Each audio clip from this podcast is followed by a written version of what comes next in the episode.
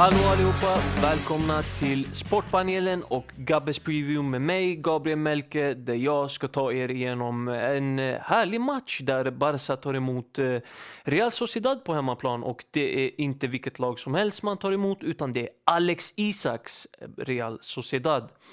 Och vi kan väl börja med hemmalaget i sedvanlig ordning där vi går igenom och kikar lite grann på hur det har gått för dem på senare tid. Barca kommer från en eh, torsk i El Clasico visserligen, där man ja, inte blev helt utspelade skulle jag säga på Santiago Bernabéu, men man fick eh, uppleva en torsk och att förlora i El Clasico mot Real Madrid på Santiago Bernabéu är aldrig kul.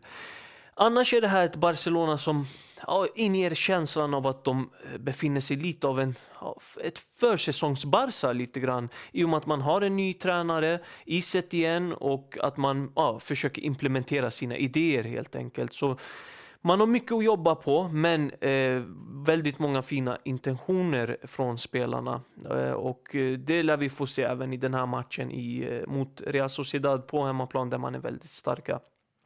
Och Sociedad, gästerna, eh, har gått väldigt, väldigt fint på sistone. Eh, vi kan bara ta de tio senaste matcherna där de har en enda förlust och det är en kanonform på Isak och hans mannar.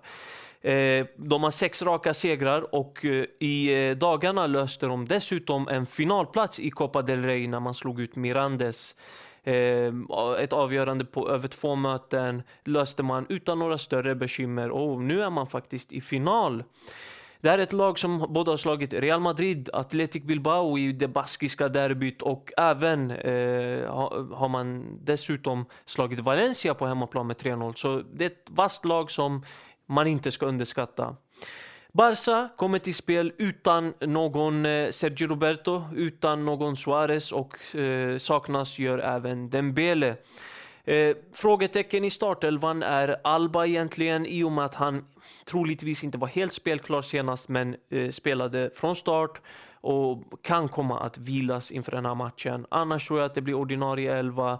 Möjligtvis att eh, om vi, en förändring från senaste El Clasico att Vidal kliver ut och att eh, Breathwaite eh, kliver in från start och då går man över från 4-4-2 till 4-3-3. Det är nog det Barca och Setien bör göra också. Återstår att se hur Setien väljer att göra, men det är nog det som är mest troligt i dagsläget. I Sociedad, där ställer man oftast upp med ett 4-2-3-1. Ett väldigt kunnigt och kompetent lag. Eh, så mest anmärkningsvärt i, på frånvarolistan är att Llorente missar den här matchen. Mittbacken som ja, mer eller mindre har varit given den här säsongen. Eh, som sagt ett 4-2-3-1, eh, inte jättestora och tunga namn i backlinjen men ja, eh, ett kompakt och fint defensiv där.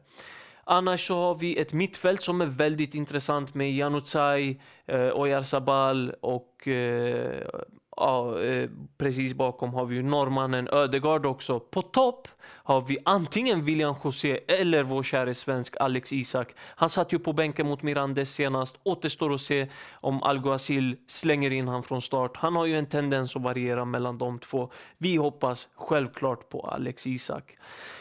Gällande matchbilden, där tror jag att Barca eh, kommer in med stora steg och försöker få med sig en seger eh, och kommer så även göra i den här matchen. Få med sig de eh, tre blytunga poängen egentligen efter eh, torsken i El Clasico.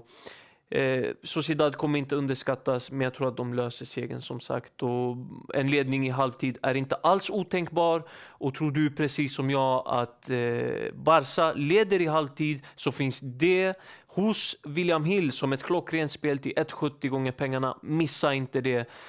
Eh, och var gärna med här nere i kommentarsfältet. Skriv vad du tror om matchen, vad du tycker om min analys och om jag är helt ute och cyklar eller om du faktiskt håller med mig. Och skriv gärna vad du tror om slutresultatet. Annars säger jag tack så länge och ha det bäst.